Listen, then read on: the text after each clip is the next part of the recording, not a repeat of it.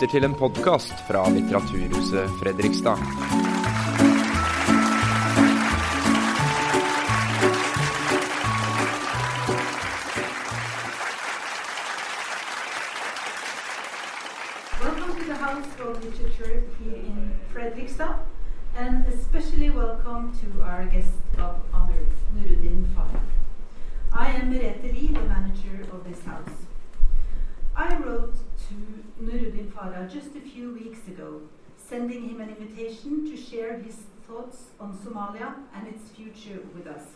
I wrote, Would there be a chance that you would come all the way to Norway this autumn? The next day, Nuruddin Farah told me that he had planned a trip to Oslo in the beginning, in the beginning of June.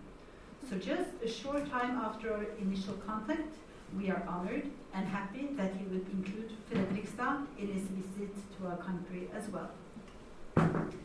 As you all know, Nuruddin Farah is a prominent Somali novelist, having published short stories, novels, and essays since 1970. His prose has earned him many awards and prizes. On a tour of Europe following the publication of his second novel, A Naked Needle, Farah was warned that the Somali government planned to arrest him over its content. He then began a self imposed exile that would last for 22 years. Farah describes his writing uh, his purpose for writing as an attempt to keep my country alive by writing about it. Ever since 1991, Somalia has been marked by a brutal civil war, but now the country has started to rise again. Today, the country faces maybe perhaps its greatest challenge ever how to manage the difficult and critical transition from war to peace. For Nadine Gordimer, Farah is one of the continent's real interpreters. His novels score received opinion, whether on female inferiority, religious dogma, nationalism, or foreign aid. Tonight, we are eager to hear his clear and brave voice on Somalia today. Nuruddin Farah will give us his thoughts initially on this matter. Then we will welcome a panel consisting of Mohammed Vaisabe, head of Al Huda Islamsk Center here in Fredrikstad. We will also be happy to welcome Atle Sommerfeldt, his bishop in Borg and former general secretary of Norwegian Church Aid, and Grete Neufeld, counselor for East and Central Africa at Landinfo. The, deba the debate will be led by Stig Jarle Hansen. Stig Jarle Hansen is a political scientist and he has done a lot of different things. For instance, worked as a reporter for BBC, Al Jazeera, and CNN. Uh, he will introduce the panel in a more detailed way than I do right now. Hello, good evening. Uh, my name is Nuruddin Farah. I am a Somali. I don't know what language is best to speak because I don't speak Norwegian. And for that reason, I hope that most people understand either English or Somali. It is it's a pleasure for me to come to Fredrikstad and also, it's a great pleasure for me to watch the dances. Now, let me say one of the things, because if we're talking about Somali,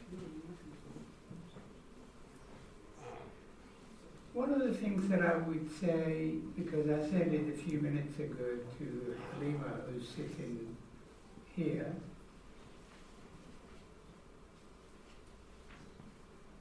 that the Somalia or the Somalis, with which more and more Norwegians are becoming familiar,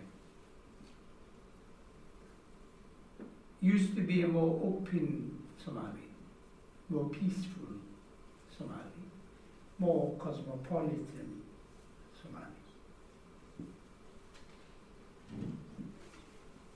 And most importantly, Somali women always and unfailingly were dressed in Somali clothes. And I wish you took note of the fact that the two women who were dancing, the danto, one of the traditional dances, was actually dressed in a way that is very unlike Saudi Arabia or Afghanistan. The, we used to have in Somalia, we had a riot of colors to start with, and people were happy in the way they dressed. And they were proud of being Somali and very exceptional. They believed that they were a very exceptional people.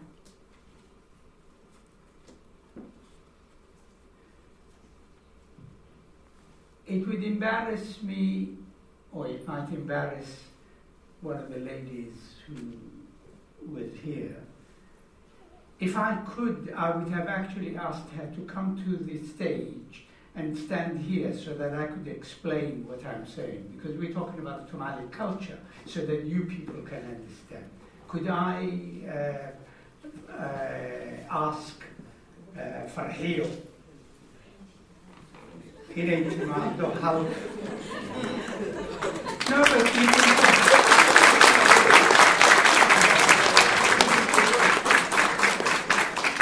you can come with one of the men because I don't want somebody to think that I always and especially want to embarrass a woman. I want the man, one of the men, also to come here.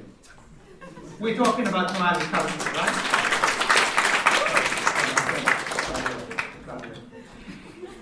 Now, I want you to compare the brightness, openness, and the traditional nature of Somali clothes. This is representative. Obviously, this was not part of it. You know, the, the long sleeved shirt was not part of it. Now, traditionally, a woman would wear clothes like that, and then she would have a shawl covering the head.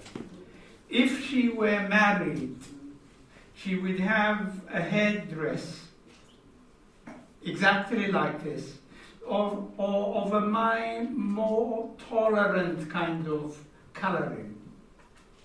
And then, and then what would happen would be this side would be open. Open. Something very different from the clothes that Arab women dressed in, veiled as they were. We did not have any of that. Before 1991, this was our dress, or part of it, or one way of doing it. And you can imagine the big difference if Norwegians were to meet this person, as opposed to meeting, you know, someone with all covered. There would be a difference psychologically, face to face. And because I hear quite often that uh, Somalis would go to rent a house and then would be turned away because they're all covered with probably two little eyes uh, showing. Whereas if this young lady were to come to your house, you would not only want to rent your house to her, but you would actually say, Come and live in my house.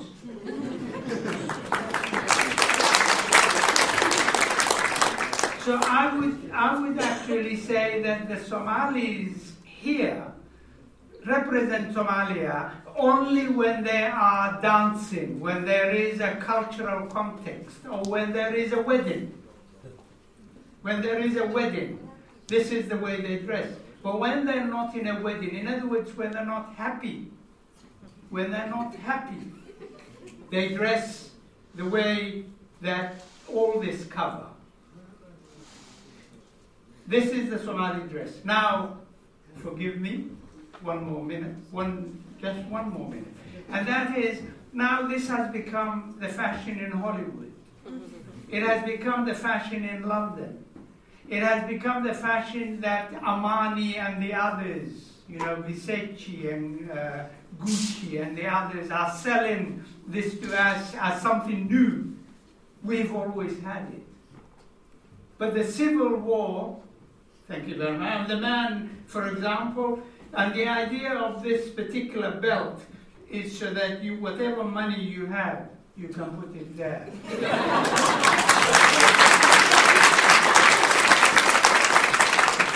and it is a much brighter, happier, and I can assure you that any Norwegian here who sees this person for the first time would, be, would admire the openness of this. There is no closure.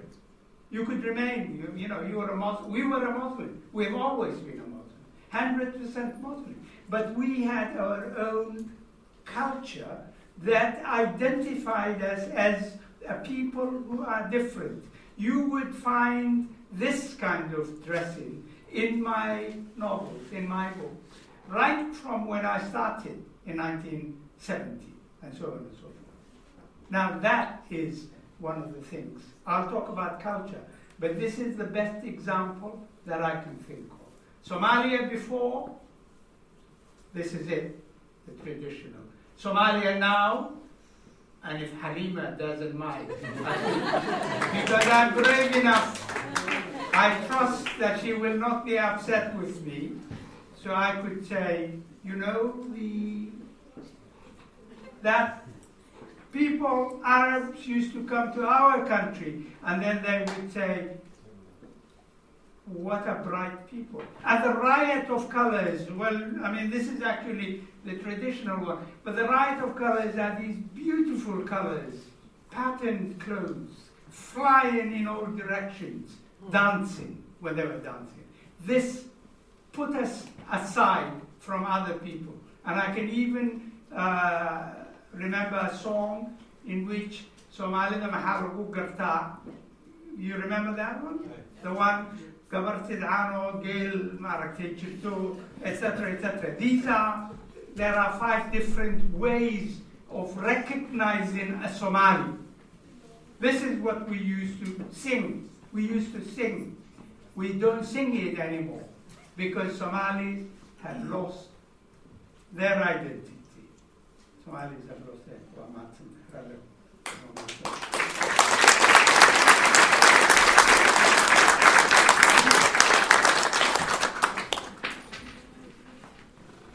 Now, I've just touched on one aspect of culture. But before I continue, I should like actually to go back a bit further. And I should also say that the world, and here I'm talking about it as a person, as a man, as a human, the world has been very kind to me. The world has opened its heart to me. The world has embraced me.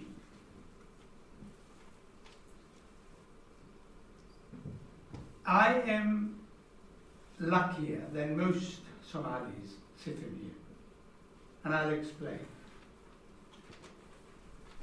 I come from a generation in Somalia when the education when more education was available. I come from a generation of Somalia where in our family, my, in our family we had about 10 children. In our family we spoke about 15 languages. 15 languages. Why? Because we come from a small country. At that time with a population of about 8, 9 million a country that had to learn other people's languages because our language, Somali, was not written. Somali, the language in which we all speak, almost all Somalis speak, is an Afro typical language where it is tonal and it is Hamitic or Afro-Asiatic. Somali as a language is related to several languages spoken in Ethiopia, the most important one of which is Oromo. In Ethiopia, the population of Oromo who speak the language very close to Somali, 60% of the population of Ethiopia. And if 60%, if 90 million Ethiopians, if 60% of 90 million Ethiopians speak that language. Amharic, the language, the official language of Ethiopia, is a Semitic language related to Arabic. So that even grammar as a child, I learned it, even the grammar as, as a child, once you spoke Arabic, which I did, it was easy to learn it. Now, why did I say I'm very lucky? I'm very lucky because I had my parents had never paid for my education. I went to school, had a scholarship. When I finished school, I had a scholarship to go to university. And when I finished university and returned to Somalia, I arrived on a Wednesday. On a Monday, I had a job. Do you see? And then later on, even when I ran into trouble with the state, with the dictatorship state, I was allowed to go to England to do theatre and to participate in some of these cultural activities. I say I am luckier, lucky, you know, the world has been kind to me, because the generation that came after me, of whom many of them are sitting here, have never had the same chance as I did. My generation, the generation to which I belong, is the one that ruined the country, destroyed it. So, in a way, I feel guiltier than you can ever imagine, because it's my generation in whom the country has invested. We were given scholarships everywhere we went. At the time, when Somalia became independent, when Somalia became independent, I come from the former Italian Somaliland, uh, you know, in the south. There were 56 secondary school graduates in the entire country. 56 secondary school graduates. There were two secondary schools in the entire country, and both of them were in the capital. So you had to come to Mogadishu, the capital city, for you to be able to go to a secondary school. Scuola media superiore, scuola media inferiore, magistrale. These were the things that. And then what happened? What happened is, once the country became independent, the national government put its effort into the education of the hundreds and thousands and then eventually millions of people who became educated. Now, what happens is if you make soup, broth, for five people, and then you discover there are 15 of you, what do you do to it? You dilute it, you put more water in it. Right? So the education because the schools couldn't carry the weight, the burden, the need in the school system, the schools then became, the education became diluted. So I'm not, this is no offense, and I hope my Somali persons who sit in here do not feel offended. But the majority of these people received what I would call diluted education in which they didn't have the best education there was. In the same way as I did. And as I said to you, my brothers and I, we had 15 languages where we spoke. And we were educated properly. In a country where there may not be bookshops, in a country where books are very seldom seen, sold, or bought, there is no bookshop in Mogadishu. There wasn't. There was one, and the dictator at the time thought that because he was a European who had a bookshop, Englishman, they thought that he was a spy, so he was thrown out. And the books, you know, were thrown in the street. I remember collecting some of them for free. So we have a situation where there is the chances were there for my generation, the chances afterwards, there were not. People, therefore, felt, felt inadequate when it came to education. Afterwards, the generation that I was teaching didn't have as good a generation as mine. Somali, Somalia, the country, had one other difficulty, and that is the language was not written until 1972 in October. So people had to read and write in other languages. And the biggest problem, the biggest problem we encountered and we will encounter, and we do still encounter today, is that the language we speak exactly as the culture which we also have. I showed you these people and I told you how that was our culture. But the people that you have in this hall, young women Somalis, don't have that culture. Even on a bright, sunny day like Frederiksberg. In that same way, the majority of the people were expected to learn, read, write in Arabic. But how could you master a language if you came to school and learned Arabic, you came to school and learned Italian, but when you went home, you spoke Somali? There was a moment every day, there were days of schizophrenia.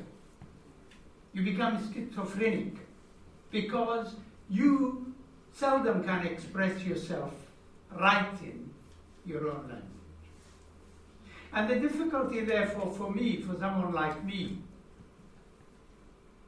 when I started writing at the age of 18, I had several languages and I could choose. I could choose whether to write in Arabic, to write in Italian, to write in, in English.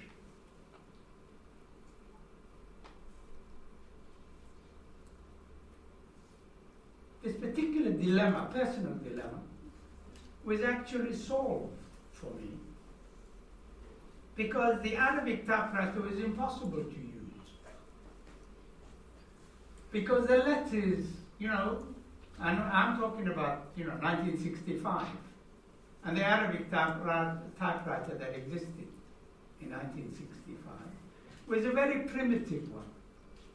I hope my Palestinian friends can, can uh, vouch for that. It was impossible to use. It wasn't very sophisticated. The Italian typewriter called Olivetti, every day I used it, it broke. One of the letters was missing. And therefore I chose to write in English simply because it was easier to find a typewriter that was working, that didn't break after one week. Now, why did I not write in English? In Somali, sorry? Because Somali had no script. Because Somali had no and therefore, I started in that schizophrenic mode of thinking.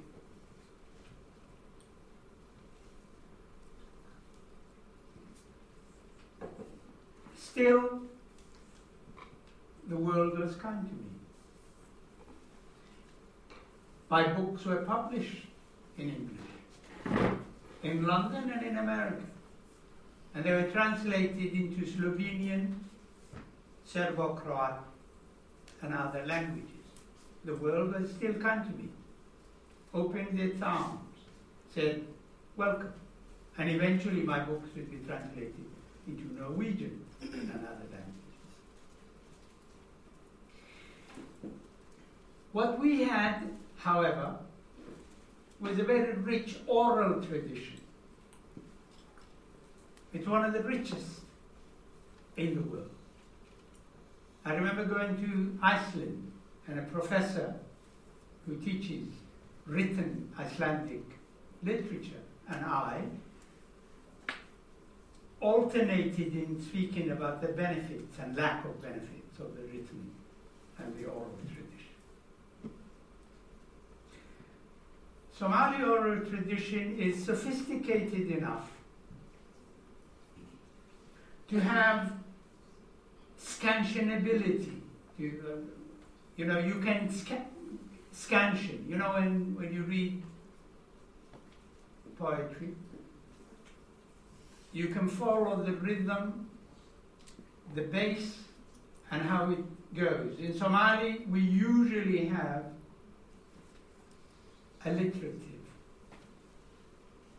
For example, if when you are composing a poem in Somali, you start with the letter ha, then it would continue with ha.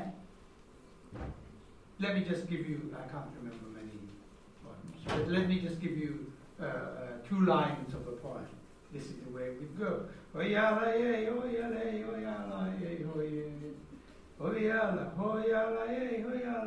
oyala Gavariya uruksane hadal lagushegi.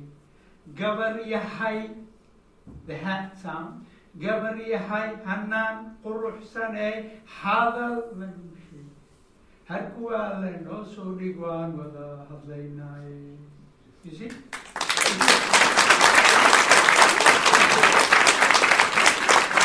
So that, so that the rhythm of that poem is determined by the letter you, you choose. Now, in English, you have free verse and you have you know, the and all that. But Somali is also sophisticated enough so that if a poem is composed in 1929, and we're talking of 2015, and if I were stupid enough to quote a poem, someone in the audience might simply say, Mr. Farah, you misquoted a line, or half a line, or a misword. You missed a word. Why? Because poetry is the collective uh, uh, property of the people. It's a collective property of the people. And if a poet were to compose a poem, the poet will not say, I, Nuruddin Farah, have composed this poem. They usually talk about themselves in the third person, out of humility, out of humility. He would say, and a, poet has said, and then they would, they would quote it. And it is very interesting that at the university in Mogadishu, where I taught at that time in the early 70s, we would sit in a classroom and then we would talk about poetry, and many of the people attending the same in the hall would be people who had never set foot in a school. But they were literate. They were not literate in the sense of writing, but they were literate in the way they knew the poetry. And they memorized it. They memorized it. Now, as a young boy, one of the things I benefited was the fact that my mother was what we in Somalis call a faray. In other words, usually it means someone who is not a great poet, but who would compose poems for occasions. You know, a wedding occasion, uh, you know, a beautiful, etc., etc. is born, a beautiful, that, that sort of thing uh, has happened, and the poetry would be composed. And she used to do it in classical female poetry. There are two classical types of poetry in Somali. One is for men, the one that I've just sung, recited before. That is male. But there is a female one, which is just as rich, which is just as rich. Now, because my mother was a poet, and I always say a minor poet, and she might have become a great poet had she not given birth to ten children, had she not looked after all of us. So my, my mother may, might have become a great poet. If she had been a man, she would have definitely become a great poet. And the reason is, you know, men are useless. They don't look after anything, even themselves.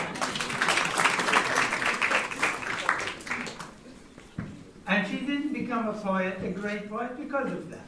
Simply because, because of that. So I remember, I remember listening to my mother composing poetry. And I would sit next to her because I was the young of four boys. And then I would listen and listen and listen, and I learned many of the poems that she was, if there was a wedding, she would be composing this poem.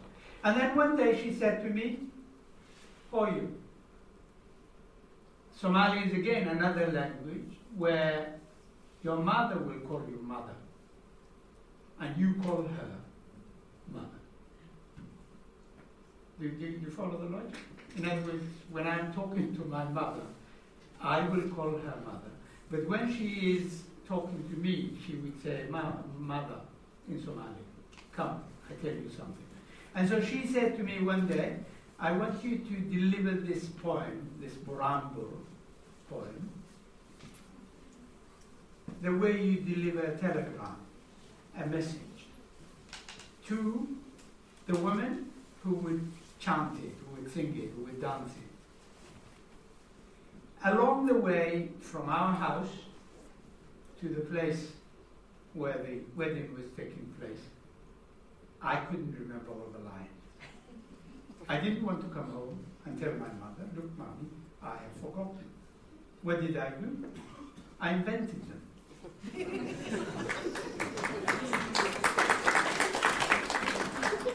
and it's easy because, you know, as I said to you, all you do is find the same consonant. It's very easy. And then my mother came when the children whom, with whom she was dealing went to bed or something like that. She came and she heard a song that was very different. so she said, What's this? And they said, This is the one that you sent. Your son brought, uh, this message. And she simply kept quiet. And then she said to me, Why did you do this? Why? I said I couldn't remember, and I changed them. But, but they were actually better. Mine.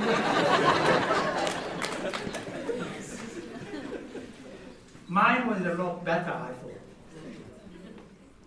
She forgave me, but she said she would never ever trust me with another poem. So that was one of the ways in which I realized that I could become a writer, I could compose poetry. And the other way, later, in a few years' time, by this time I would be about eight or nine or ten, that I began to do was again Somali. Somalia was a highly illiterate country. And when I was growing up and I was a young man, you would say, you could safely say that 95% of the population was illiterate. 95% of the population was illiterate.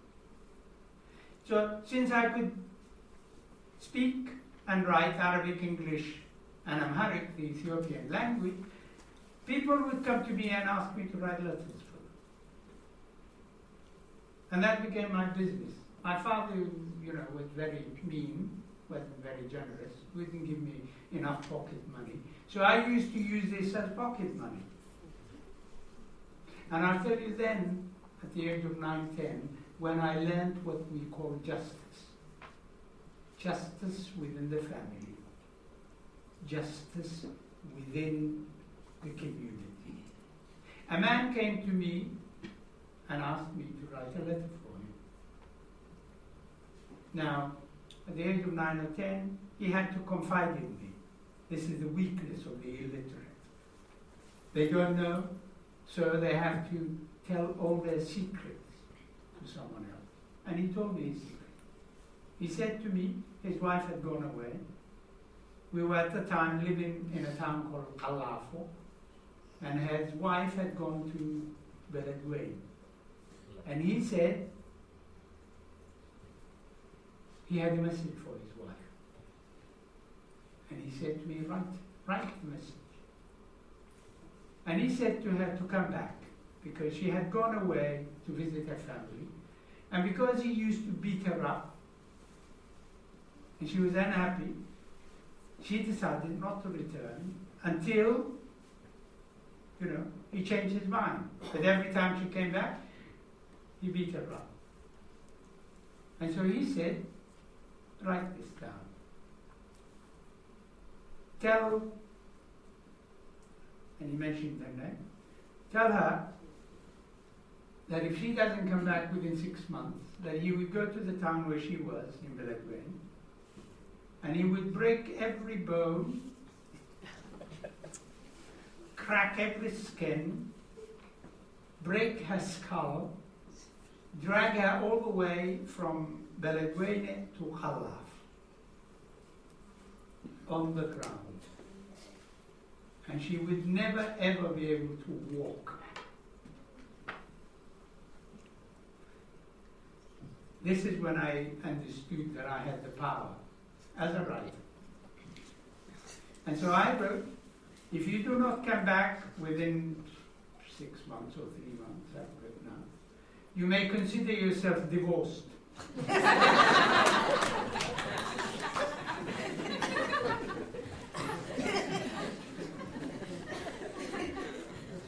So because it, I wrote the letter in Arabic,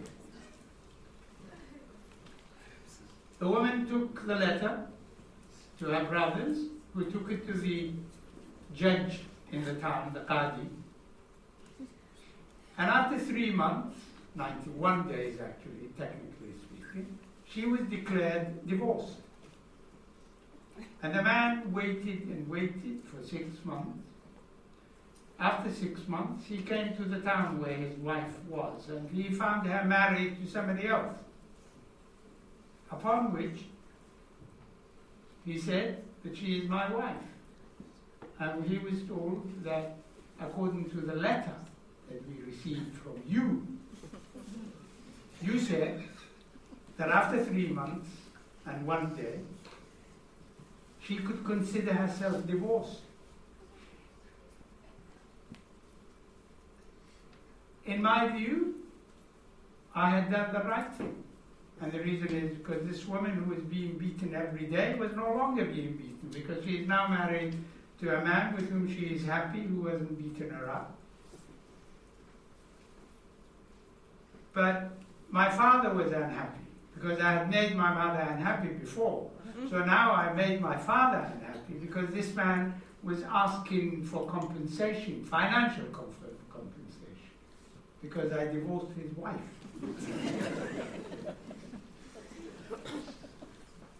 so that these are some of the ways in which, you know, as a young man, and I, I must admit, I really had no, well, I had a sense of what I was doing, but I didn't know the consequences, the final consequences of what, what might happen.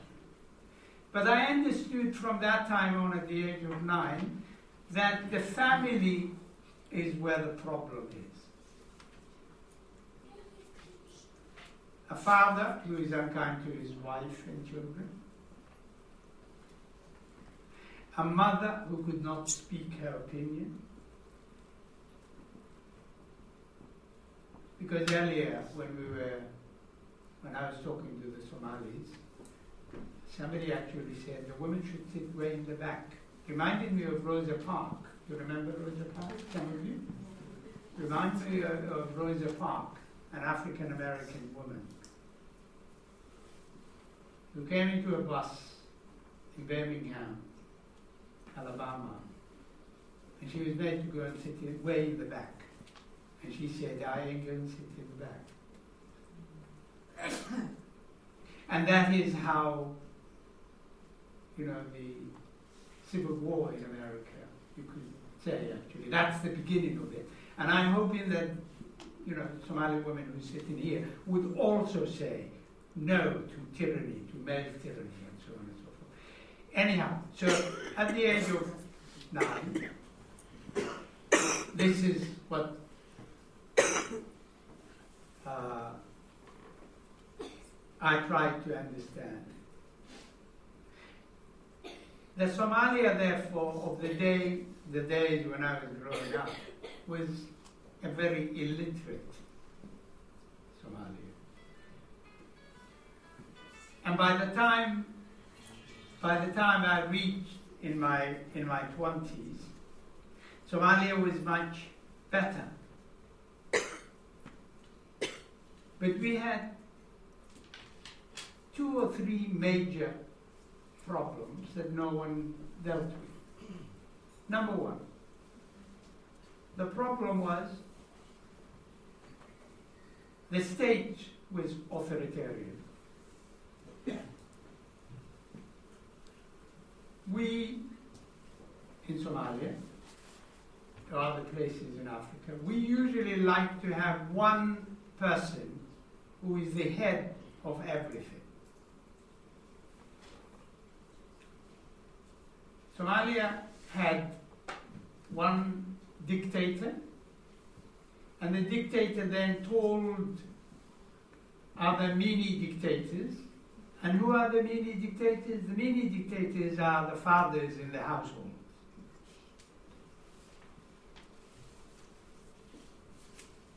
So that authority was invested, first of all, in men. And even if it were, it made life easier for more and more people to accept that it's easier to talk to one person rather than 20 persons. Because in every family there may be 10 persons. You can't talk to 20 persons. And therefore you say, you are the head, the leader of this. And in African traditional society, we are ageist. We like elderly people and men especially, and we invest in men. Now, that having done what I did in at the age of nine, I could not accept one person to rule for the entire country. And I came into conflict, I came into conflict with the head of state. And do you know what the head of state did? The head of state then, I wrote an article, he was unhappy with it. Before he arrested me, he called my father. And he said, You are a gentleman. I am a gentleman. The two of us can talk, but what you need to do is to punish your son who is doing the terrible thing. That was the system that operated. One. Two, the country had one city, and the city was called Mogadishu. If you needed a passport and you lived 1,500 kilometers away, you had to come to Mogadishu. If you had a cavity, you know, cavities in your teeth, and you lived in Tromsø, you had to come all the way to Oslo. And you can imagine the problem that you had. So Mogadishu became a mini state. So that was the second problem about Somalia I'm talking about. And another problem that we had, another problem that we had, was that Somalia got involved engaged in a war between Somalia and Ethiopia over a territorial dispute. Territorial dispute. The Somali army was defeated, and when the Somali National Army came back, the infestation, because the problem that occurred was actually quite, quite difficult. The head of state at that time should have resigned and said, you know, I took my people to war and lost down a general, as a general, you know, put down his head. He didn't. And then, as a result of that war, because Somalia was you know, we were warring against all this in uh, for one and a half years, two years. We became, we didn't grow enough food to eat. And so we became dependent on foreign aid. It's very possible, very possible. Uh, the bishop, Bishop uh, Sommerfeldt, will, will obviously correct me if I'm wrong. But the Norwegian Church Aid gave food, quite a lot of it. Have I spoken for too long? Am I supposed five minutes? I have five minutes. Okay. I have five minutes. What do I say in five?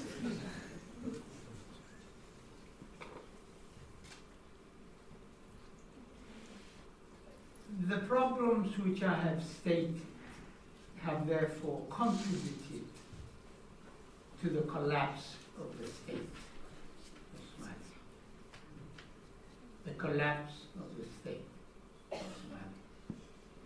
Somalis, prior to 1991, had never become refugees, going wherever they could because the country became, you know, the civil war made it impossible. I remember as a child, even growing up in a small little backwaters of Ethiopia, the Ogaden. I remember Palestinian families coming, hordes and hordes of them fleeing 1949 50. You know, coming to our homes and so on and so. So this, once the civil war took place, then you had more and more problems, more and more problems. And we say that the problem continued to the extent where 15 countries are involved in determining the future of the Somalis. The future of the country is not in the hands of Somalis. It is in the hands of foreigners, whether they are Arab, whether they're Ethiopia, whether they're Kenya or America or Italy or France or Germany. Somalis are not in a position to determine their own. And the Somalis you, you see here are the consequence of the civil war. The consequence of the civil war. And I've just come from Africa, to which I'm going back. But you have the Somalis here who represent us in terms of language and others, but not in terms of the clothes that they wear. And I thank you very much.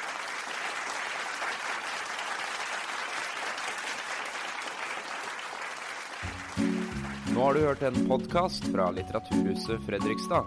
For mer informasjon, klikk deg inn på litthusfred.no.